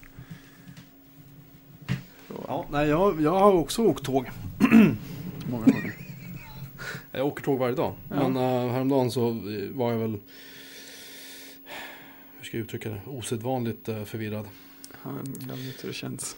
Så jag klev på, jag klev på eh, eh, det här, jag åker då den så kallade Roslagsbanan, eller som vi kallar den, Prärieexpressen. Mhm. Eh, för det går inte så fort, det låter dunkedunk när man åker. Det är så här. Ja, det tänkte jag på att det här tåget i morse gjorde också. Ja, men alltså det, när, vi åker, när vi åker på uh, Roslagsbanan, alltså Roslagsbanan var fram till år, oh, nu ska jag inte ta i så jag ljuger, men åtminstone fram till 90, kan det ha varit 99 någon gång, 98, 99. Så var det fortfarande liksom, på vissa sträckor kunde man åka på Roslagsbanan tåg med träbänkar. Liksom. Eller förlåt, 89 menar jag, förlåt, 89, 90. Där någonstans. De, de, fick in, de köpte nya vagnar ungefär samma veva, men, men Ja. någonstans där så så hade de, eh, de hade inte direkt uppgraderat sig på Roslagsbanan. Nej. Ehm, men hur som helst så Yours truly då klev på rätt för att Roslagsbanans dragning är sån att alla linjer förutom en eh, passerar samma station. Liksom. Ja, okej. Den är knutpunkten, det kallas för, det heter Roslags-Näsby, det ligger i Täby. Ja. Och där hade jag ställt min bil. Så jag kliver på en linje och så tänker jag inte mer på att I mitt huvud så var det så att alla linjer passerar Roslags Näsby. Alla Mm. linjer förutom den här som vek av stationen innan Roslags Näsby ungefär. Aj. Och fortsätter in i liksom Djursholms villagetton. Du vet, där alla de där rika människorna bor. Och jag ser en station som heter Djursholms Ösby. De heter jättelustiga saker också. Ja. Och så tänker jag, ja ja. Men så tittar jag ut genom fönstret. Någonting så här, du vet, stämmer inte. Nej. Någonting. Ja, tänkte. Satt och läste en bok. Åker vidare. Nästa station hette någonting helt obegripligt. Jag tänkte, vad i häck... Och, och, så- och, så- och sen började jag inse då att, jaha, nu har jag klivit på fel. Och så hamnade jag på någon station där det precis... Det ser ut som en mjölkpall i ett villaområde. Det är väl liksom en liten träparong där man kan kliva av. Så jag kliver av den och så tänker jag, för det finns, där ute finns inga skyltar som talar om när tågen kommer och liksom sådana grejer. Utan det är liksom... Men till saken hör liksom att även om jag visste liksom att jag, det är rusningstrafik, jag kommer kunna åka tillbaka när. Så jag fick lite små panik ärligt talat. För jag kände att det här är inte min normala rutt liksom. Nu, det var, man ville hem, man ville hem till middag Ja, till barnen. Och, jag, tyckte det var, jag tyckte det var oerhört jobbigt. Ja, Jag kände mig riktigt så här, äh, men äh. ja, precis. Vad händer, vad händer nu? Vad Jag blir skev och så blir man irriterad på sig själv för att man åker fel. Och så Ja, blir man, så här, så, man känner så här, varför gjorde jag så här? Det var ju så onödigt. så, så till slut så hoppade jag av vid en station. Mm. Där jag ser att det ska komma in ett tåg på andra sidan. Mm.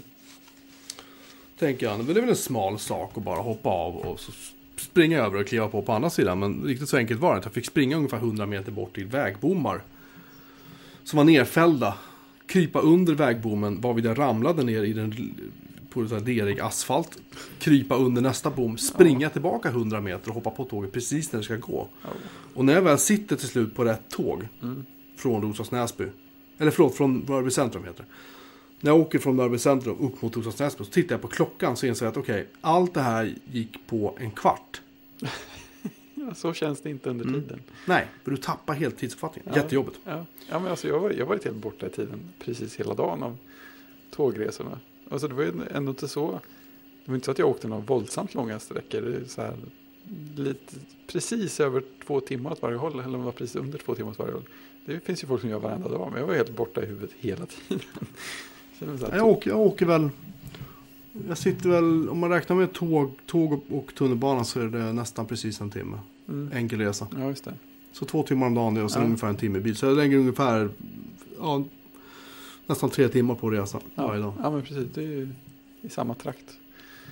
Och jag tycker ändå att det går fort. Det är inte så att jag klagar. Liksom. Jag har väldigt generösa arbetstider och, och för mig funkar det jättebra. Jag tycker det är ja, jätteskönt. Ja, men det är väl en, det är väl en vanlig sak. Så. Ja, nej, men jag, jag, säger, jag, jag var lite orolig men jag har faktiskt kommit in i det jättebra. Ja. Just det här att sitta och, just det här Ja, långa men- pendlingen liksom. Ja, men precis. Sen kanske det sk- skadade lite grann att jag, att jag var tvungen att åka ovanligt tidigt för att vara framme i tid. Så, så att jag var väl lite extra borta i huvudet av det också. Ja, troligen. Jag, jag, jag har lyssnat på andra halvan av senaste Roderick on the Line två gånger, men jag har inte hört hela avsnittet. Somnade väldigt skönt bra. väldigt bra avsnitt. Ja, det var ett jättebra avsnitt. Jag stod och skrattade på Otroligt perrongen roligt. flera gånger. Det är det svåra man sitter, man sitter på tunnelbanan och lyssnar på. För på Stockholms tunnelbana får du ju helst inte röra en min. Nej, just det. Bör, börjar du skratta spontant, då, då Ja. tror ju folk att du är dum i huvudet. Då, då, då är det något fel på dig liksom. Eh, men jag har faktiskt ett par gånger bara så här, och bitar mig i läppen för de är så, de är, det var fruktansvärt roligt det här avsnittet. Ja, ja det, var, det var riktigt fint. Många bra grejer. Så, nej, jag, jag, nej. nej, men alltså jag, för jag räknade lite grann på det där just med restid också. Det är ganska, men du cyklar till jobbet eller åker du spårvagn eller vad gör du? Nej, jag cyk- cyklar eller, eller går. Ja. Grejen är att det finns, det finns ingen så här, det är så pass nära och det finns ingen så här bra linje för att ta sig dit. Så att om, om jag ska åka kollektivt till jobbet så måste jag först promenera kanske, vad kan det vara, 100-200 meter till hållplatsen. Vänta där, sen måste jag, nej, nej jag slipper byta, det behöver jag inte göra. Men sen så måste jag pro- promenera typ en 300 meter på slutet också. Så att, eh, och, Det värdelöst. och gå hela vägen tror jag är två kilometer ungefär. Så Men det kan man ju gå eller cykla. det Ja men precis, alltså, ska du ändå promenera de där bitarna plus säkert stå och vänta åtminstone någon minut på en vagn så det är ju minimal vinst. Om det inte är fruktansvärt dåligt väder då är man ändå körd om man är ute mer än två minuter. Ja, ja, ja, visst. Så att, eh, nej, det är promenad eller cykel som gäller. Vi hade, mitt förra jobb var nämligen i Kista. Det ligger norr om Stockholm och jag bor norr om Stockholm. Och då räknade jag ut att om jag körde bil, vilket jag gjorde varje dag, till Kista. Så tog det typ 45 minuter enkel resa. Mm. Och det här tar en och en halv, det vill säga 90 minuter. Så det är, det är dubbla tiden. Mm. Det är det. Men istället för att köra 10 mil om dagen så kör jag 3 mil om dagen. För jag kör, jag kör till en infartsparkering. Jag, jag skulle kunna åka här hemifrån där jag bor men där går inte tågen så ofta. Nej. Så det väl lite jobbigt. Men i teorin skulle jag kunna göra det. Plus att då hade det varit två timmar per resa. Ja, det Jag sparar, jag sparar tid. värt att köra en bit. Ja, det är det. Och jag Jag menar, att köra tre istället för tio mil är ju jättestor också. Nej, men alltså det tar ju det tar en kvart, 20 minuter liksom in Ja. till där jag ställer bilen. Men i alla fall, och det, och det, det slog mig liksom att, att visst, 45 minuter, det kunde lika gärna bli en timme vissa månader om det var mycket köer. Eh, ja, visst. Den vägen jag körde. Utan problem. Eh, Och visst, jag skulle kunna köra bil till jobbet när jag jobbar nu i Globenområdet, vilket är strax söder om stan. Mm. Eh, Men då är det ju så här trängselavgift på E4, fem- parkeringsavgift varje månad, bensinkostnader. Ja, alltså framförallt parkeringen är ju helt... Ja, vi, vi, har, vi har platser på jobbet man Ja, kan okej, få det, hyra ja. för ett antal hundralappar i månaden. Så det är inte jättedyrt. Nej, okej, det är nej. liksom det, skulle, det är ungefär motsvarande två heldagars parkering i Globens köpcentras Mm. parkeringsgarage. Ja. Ungefär vad det kostar per månad. Så det är inte jättefarligt. Nej, okej. Men, eh, men ändå, om man räknar upp och du har en trängselavgift på E4 på kanske i rusningstid så tror jag det är så här 20 eller 25 spänn eller någonting. Mm. Och det är ändå 250, 225-250 kronor i veckan om man kör varje dag. Ja, för, för här i trakten är det ju, ja, trängselavgiften tror jag kanske är lite lägre än så, men de vill ju aktivt minska biltrafiken så att de har ju tydligen höjt parkeringsavgifterna rätt rejält de sista åren.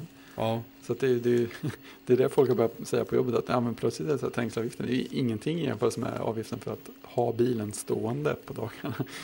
Så det, det, Nej, visst. Men andra sidan, om jag kunde ta bilen. Då hade jag varit på jobbet på, på en timme. Därför att jag åker ju mot trafiken hela tiden. Så för mig är det ganska Ja, det är ju lugnt. perfekt. Liksom. Men, men det är just det, kostnaderna som jag associerar med det varje Mm. månad. Alltså vi pratar ju... Om jag skulle köra, då är, då är det 10 mil om dagen. Minst. Plus då en parkeringsavgift på 500 kronor i månaden. Plus trängselskatten. Ja, Plus all slitage på bilen, etc. etc, etc. Och helt plötsligt så, så är det där busskortet på 800 kronor i månaden, det är ganska billigt. Och då, Ja, då räknar vi 45 till 60 minuter mer restid varje dag. För Ja. de pengar jag sparar. ja, ja, precis. Och tid som man inte behöver vara koncent- super, lika koncentrerad. Nej. Också. Man, slipper Men man jag slipper får göra körandet själv. Jag får inte mer betalt för att jag kommer sju på morgonen till Nej. jobbet och, och går hem klockan sex på kvällen eller någonting. Nej. Utan, utan jag har min arbetstid och jag får min lön och det är jättebra. Mm. Jag är supernöjd med det. Ja, visst. Så att för mig är det liksom inget incitament att jag ska hålla på på något sätt liksom spara tid på mitt resande. Därför att om jag försöker spara tid på mitt resande då kommer jag ändå hamna i trafiken På något sätt. ja, precis. Kommer och biter den. Det är alltid köer i den här stan ska jag säga. Ja, det det det måste är man det. erkänna. Men det är marginellt. Eller det är betydligt mindre köer när man kör den vägen jag kör. Ja, Det är det jag försöker säga. Om det nu blev vettigt. Man kan mycket väl förlo- förlora tid på att försöka vara snabbare. Och man blir garanterat mer stressad av det också om man tänker att man ska försöka liksom, tidsoptimera hela tiden. Ja, och sen, sen har du ju några faktorer med trafiken. Det, är liksom, det räcker med att det är en bil som får punka. Ja, Eller att det blir en krock, eller vad som helst. Och en fil är blockerat när du ska kommer söderifrån på E4 och ska igenom den här så kallade Eugenia-tunneln mm. som är tvåfilig. Upp på Essingeleden som det helt plötsligt sen är fyra filer på. Den, det räcker med att en bil som pajar där. Då är det stopp. Då sitter du, och den här tidsvinsten då, den kan du bara sjunga i månen efter för den är borta alltså. Det är så lite som krävs, medan om någonting pajar i kollektivtrafiken då kanske det kommer en ersättningsbuss. Eller det kommer ett tåg till om en stund. Någonting sånt liksom. Eller det går andra busslinjer man kan ta som går ungefär samma väg som tåget. Eller någonting. Det finns alltid en ersättare liksom. I, Mm. Där jag bor. Men med bilen är du fast, du kommer ingen vart. Så att, jag vet inte. Jag tycker det, det, det är knepigt. Men det är ändå rätt skönt att bara åka kollektivt. ja, men det är ju det. Alltså, det, det är ju så mycket skönare när man väl har kommit in i det. Jag menar, det, är ju, det är ju det. Man blir alltid frustrerad om, det, om man ska göra någonting och står still på ett ställe. Det är väl där man förlorar mest. Alltså känslan när man står och väntar på en försenad någonting. Mot, mot att kunna hoppa in i en bil och åtminstone rulla lite grann även om det går långsamt.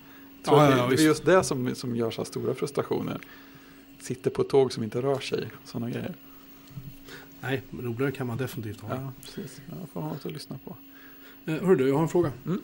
Eh, har du någon Raspberry Pi? Ja, det har jag. jag sitter och håller i den senaste. Oh, trean. Ja, Oh, ehm, mina Den vänner höll jag säga. Men, men eh, en mycket vänlig person på Kjell och Company skickade den till mig. just det. När jag på skämt sa du skickar väl den till mig? Han sa absolut vad är adressen. Ja, tänkte jag. Eh, och det här får jag inte betalt för att säga på något sätt. Jag bara sitter och tittar på den nu. Jag har Ja. nämligen hittat ett sånt där micro SD-kort som jag ska Ja. installera. Och jag funderar faktiskt på att ladda ner den här... Microsoft har släppt en Windows 10-version. Det har de, ja just det. Den för Så jag- Internet of Things. Ja, jag undrar bara vad den kan göra egentligen. Ja, ja precis. Jag tror att, att, man, att man får något rent eh, kommandorads eh, av något slag. Jag tror att det heter Ja, det Windows inget 10 for djur. Makers eller någonting sånt där. Ja, men då är, då är det säkert någon sorts PowerShell man sitter och kör då. Det kan det säkert vara, ja. Inte alls omöjligt. Nej, jag får ladda ner den och titta. Det- Man blir, jag, har nämligen, jag har varit lite sugen på att ehm, titta på det. Ja. Ja, det Eh, annars tänkte jag slänga in Linux på den. Eh, men eh, den är ju lite... Mm. ja. Den är fin, den här är den. De har ju bytt ut SD-kort, jag vet inte om det var så på tvåan också, men på trean är det ett micro SD-kort. Eh, och jag har ju faktiskt den första modellen här också. Hur litet är det? Det är, det är typ som ett det är mikrosim ungefär. Ja, och de har snäpp större på... flyttat om lite. på. Det är fyra USB-portar. Mm. Och det är gig, eller 100 megabit internet antar jag att det är. Numera finns det också länkindikatorer på själva porten, inte bara på moderkortet. HDMI, ljudutgång, samma strömkontakt som tidigare. Det finns fortfarande två stycken så här kopplingar för man kopplar på bandkablar för någonting, någonting. Och sen den här som man kan, sen finns det ju två stycken, på första modellen fanns det två rader med så här bara pinnar som sticker upp. Just det. liksom. Det är ersatt av en enda lång sån på trean. Där det sitter så man kan koppla på Vad det nu är man kopplar på. På den. En skärm kanske, antar jag. Men i övrigt så ser de ungefär likadana ut. Det Jo, det som är borta också är eh, den här RCA, eller kompositutgången för video. Är borta.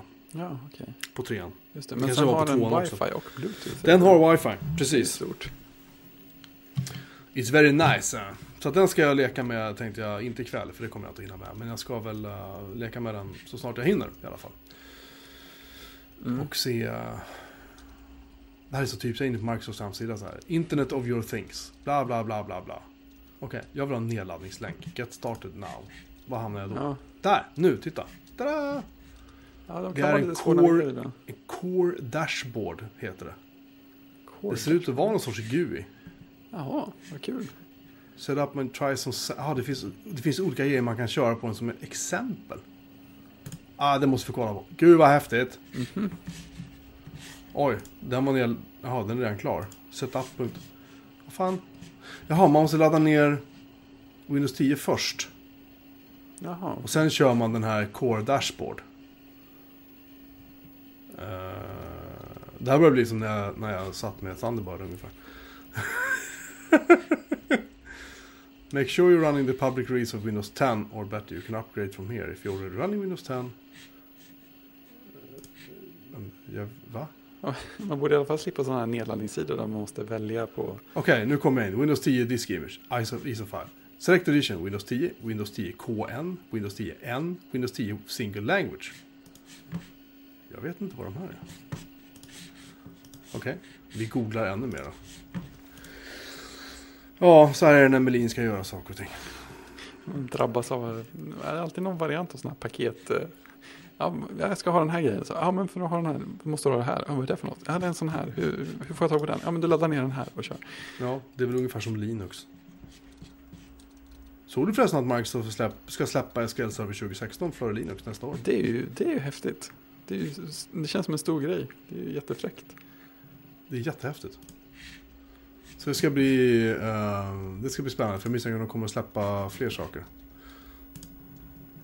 Ja, det, det skulle ju förvåna Här. mig om de inte gör det. Nu. Get Microsoft 10 Internet of Things Core for Raspberry Pi 2. Det. Där, isofil. Do shit. Bra. Uh, 526 meg, det kommer gå fort. Nej, jag vet inte. Vad har du skrivit här? Retro Gaming Hour, vad är det för någonting? Ja, det var ju... Visst var det du som länkade till ett avsnitt av det? Det visade Ja, ja, just det, just det, just det, det. Just det, visade sig att det fanns en, en brittisk eh, podcast som tydligen sprang ur någon slags YouTube-produktion. De kändes väldigt proffsiga i sin stil. Det kändes som att det var radiomänniskor som höll i det. Men det är ju det är en podcast som eh, först är det typ en timme nyheter om eh, retrospelande. Herregud. Med någon slags brittiskt fokus. Det, ja, det, är helt, det är helt vansinnigt. Jag blev lite trött faktiskt. För att det fanns alldeles för mycket retrospelsnyheter. Men den stora grejen för mig i alla fall är att i slutet av varje avsnitt, det finns väl typ tio stycken, så har de en intervju med någon gammal retrospelsrelaterad människa.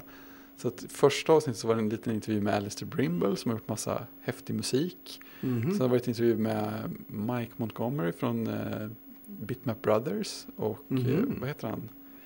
Eh, nej, nu ska, jag- nu ska jag säga rätt. Nu ska vi, retro... Nej, nej, jag kan inte stava.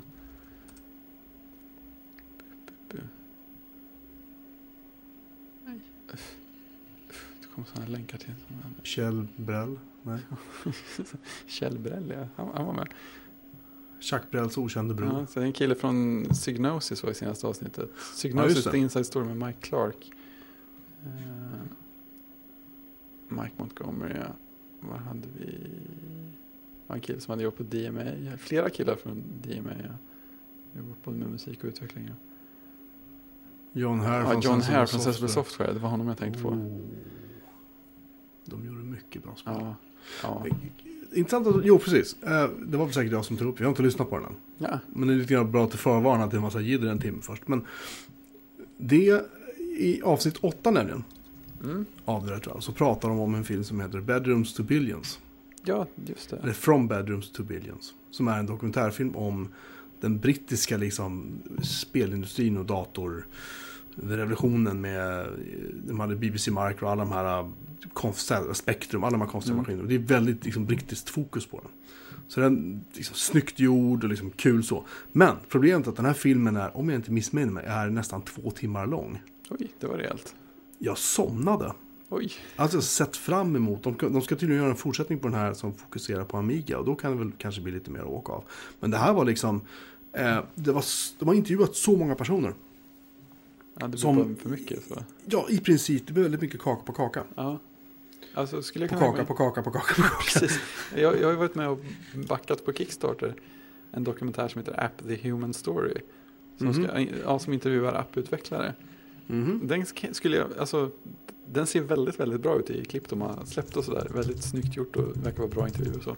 Men den skulle kunna vara i riskzonen för en sån grej också, att det bara blir för många. För de har intervjuat väldigt, väldigt mycket folk över tiden.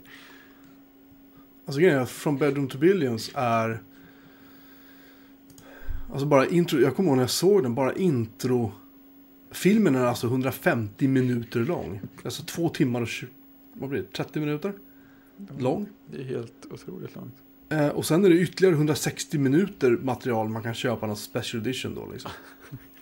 Ja, jag, gillar, Eh. jag gillar ju bakom material, jag är såld på sånt, men det känns... Jo men det här är ju, alltså, men alltså bara introt på, på den här filmen, alltså bara du vet, förtext och så. Alltså det kändes, kändes som det var 10 minuter, det kanske inte var det, men det kändes nej, nej, men det, superlångt. Och det är lite synd, för jag har sagt att jag, jag ska försöka se det klart den någon gång. Men det, det blev lite mycket. Alltså, den, och den var lite... Jag väntade liksom på så här, okej men jag vill... Jag vill få reda på någonting, men jag fick inte... Alltså, det att man fick, de bara skrapade på ytan lite här var. det var blir liksom för, ingen för mycket fokus. översikt. Så. Ja men för mycket så här... äh, Ja, jag, jag minns när jag gjorde den här låten till det här spelet. Och så pratar de där om det spelet typ i... alltså länge, känns Ja, det som. ja. Alltså det är lite så. Att det, de kommer ingen vart. Nej, det Det känns som att de bara står och stampar hela tiden. Mm. Istället för att i början är det så här. Så här började datorrevolutionen och kom den datorn då. Och så gick det till och de fick den då. Och det är jättebra. Men sen är det bara så här. Ja, man Jag vet om försvinner att i de- detaljerna bara. Ja, ja jag, jag kan inte förklara. Man måste se den. Men 150 minuter. Ja. Ja, det är kanske är en sån där som skulle göra så bra att delas upp i eh, en tv-serie typ. Alltså, jag ska säga så här. Den här BBS-dokumentären som gjordes 2004, tror jag var. Som jag rekommenderar varmt. Den finns gratis på, på YouTube och på Internet Archive. Han som har gjort den jobbar nämligen på Internet eller archive.org. Ja. Eh, och där är varje avsnitt typ 45 minuter långt. Mm. Men det är uppdelat på åtta eller nio liksom, episoder. Varje avsnitt. Ja, så Ja. du behöver liksom inte se. Och där, där, där är det ändå som att där förs handlingen, eller handlingen till en dokumentär. Så att det är liksom, det har ju hänt. Men det förs framåt på ett mycket, det är mycket bättre klippt och mycket bättre så. Det berättar en historia varje gång. Mm. Men här är det bara så här, det är bara person efter person efter person. Efter, och så klipper de tillbaka mellan olika personer som säger saker och ting. Och det känns aldrig som att de, jag, ska förklara vad jag menar. Det känns aldrig som att de kommer till punkt med en sak. Nej, det blir Medan bara de massa i- klipp. Ja, de, de bara fortsätter babbla. Ja.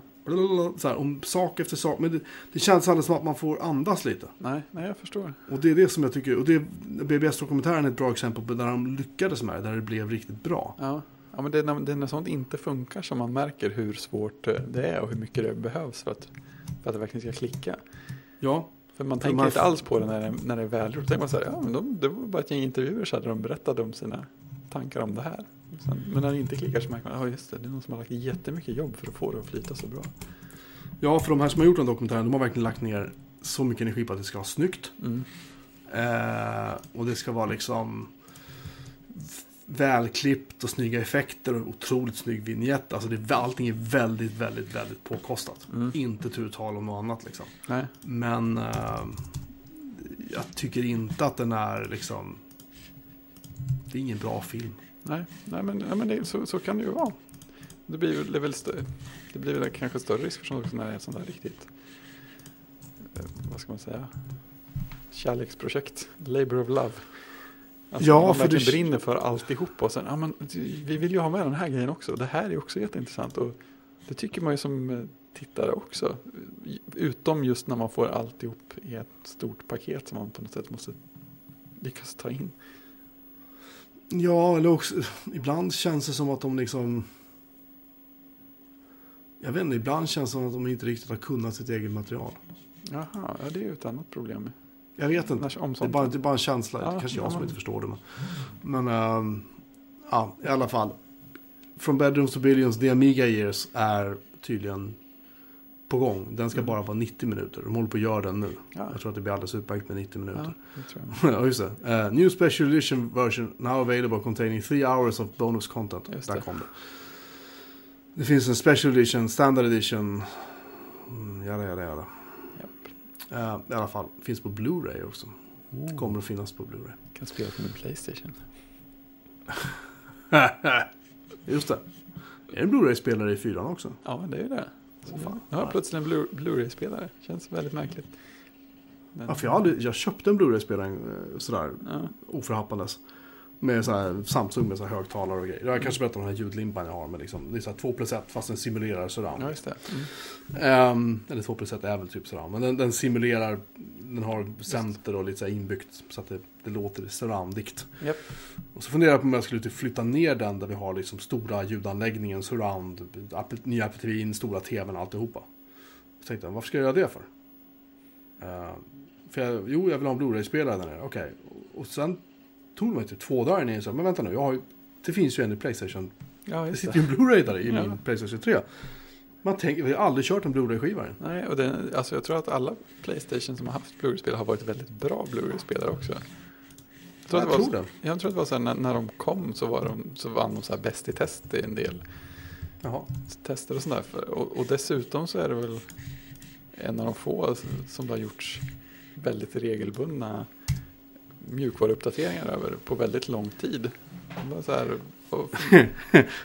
nej, nej, nej, nej, nej, nej. Eh, ja, det är jättebra. Varje gång du ska spela någonting på din Playstation 3, ja, om den har det, stått är, två det veckor, problem. så är det en uppdatering för. Ja. Och det är inte så att det tar fem minuter att lägga in den heller. Nej, nej det gör inte det. Det, det vet jag. Men, men det var så här för, för, bara, för bara några år sedan.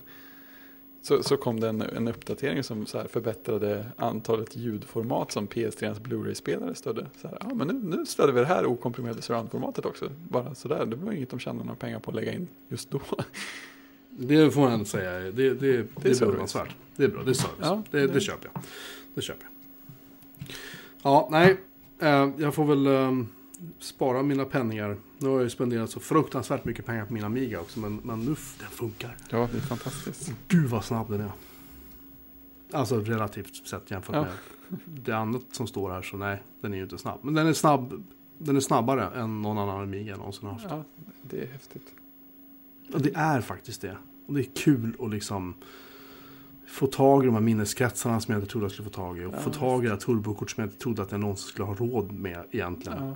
För sagt, det är ingen billig hobby längre det här. Nej, det är ju Men, inte det. Nej, det Med hjälp av lite snälla människor så Ja. kan vad som helst hända. Det är sant. Ehm, nej, vi, får, vi får prata om det andra vi ska prata om nästa gång helt Det enkelt. göra. Det var också spännande ämne. Ja, det, det blir också intressant. Ibland blir det bara så här.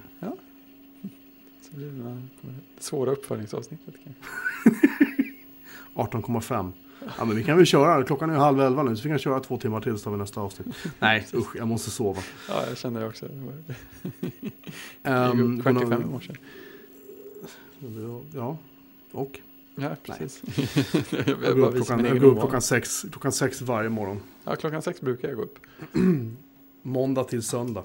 Det är väldigt sällan jag får sova ute. Ja, ja, det är jag, jag har Ja. inget att klaga på. Nej, sannerligen inte. Du har en Playstation 4, du har hälsan. Ja, precis. Och du sprang. Vasalopp sprang såg jag. Ja, det är så här in, inomhusgrej. Du springer på löpband lika lång tid som du åker Nej, Vasalopp. nej, det var på sådana här cross-trainers. Så det är ju lättare. Jaha. Det är, det är som någon slags, vad ska man säga, det är som ett slags mellanting mellan, mellan cykel och löpning eller någonting. Är det, som, är det som att gå en trappa ungefär? När man står och håller i två handtag? Nej. Ja, precis. Fast det är, lite, det är väl lite natur. Det beror lite på hur man rör sig i och för sig. Men det går att göra ganska så här springaktiga rörelser. Så, att, så att det blir som att springa på ett löpband fast det är mycket, mycket snällare mot så här senor och, le, senor och, le- senor och leder heter det.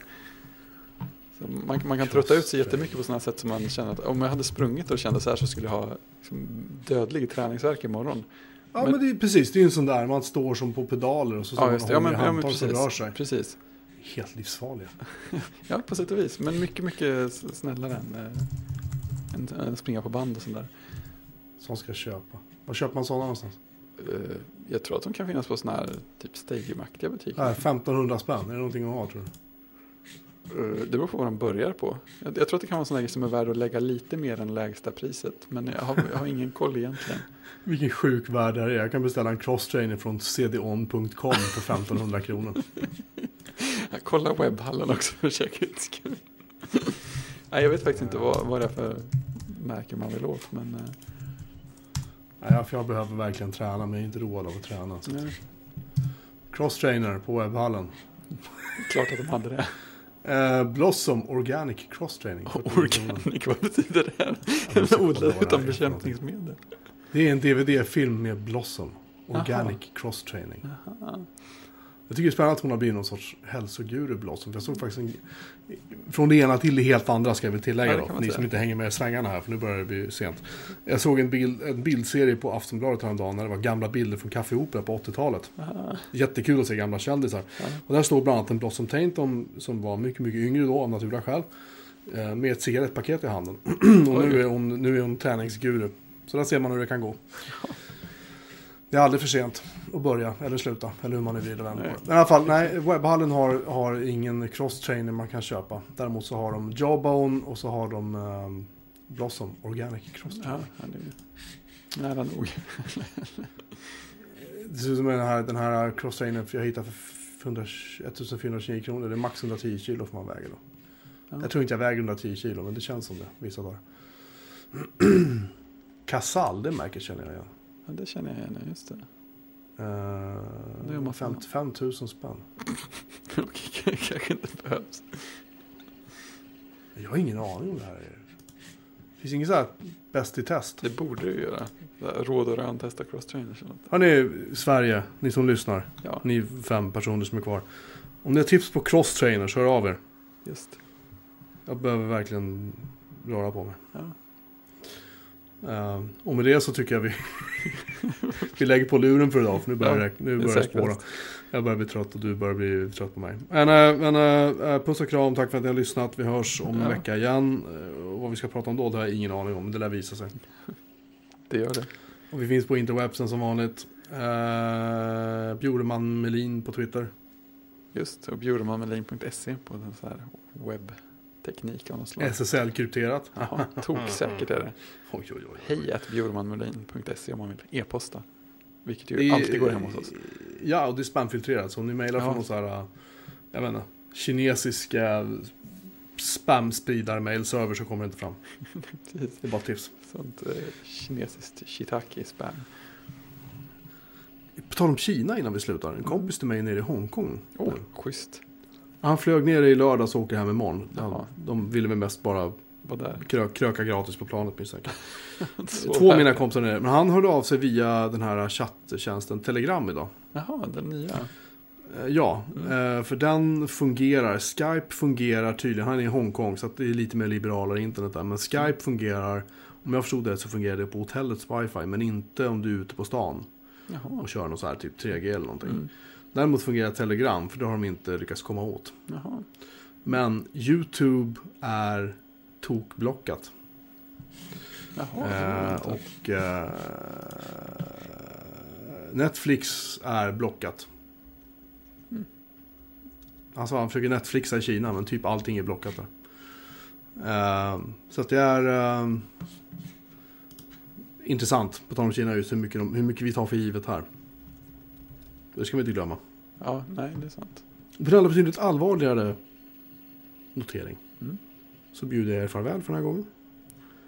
Så gott Fredrik. Så gott. Woohoo! Hej då!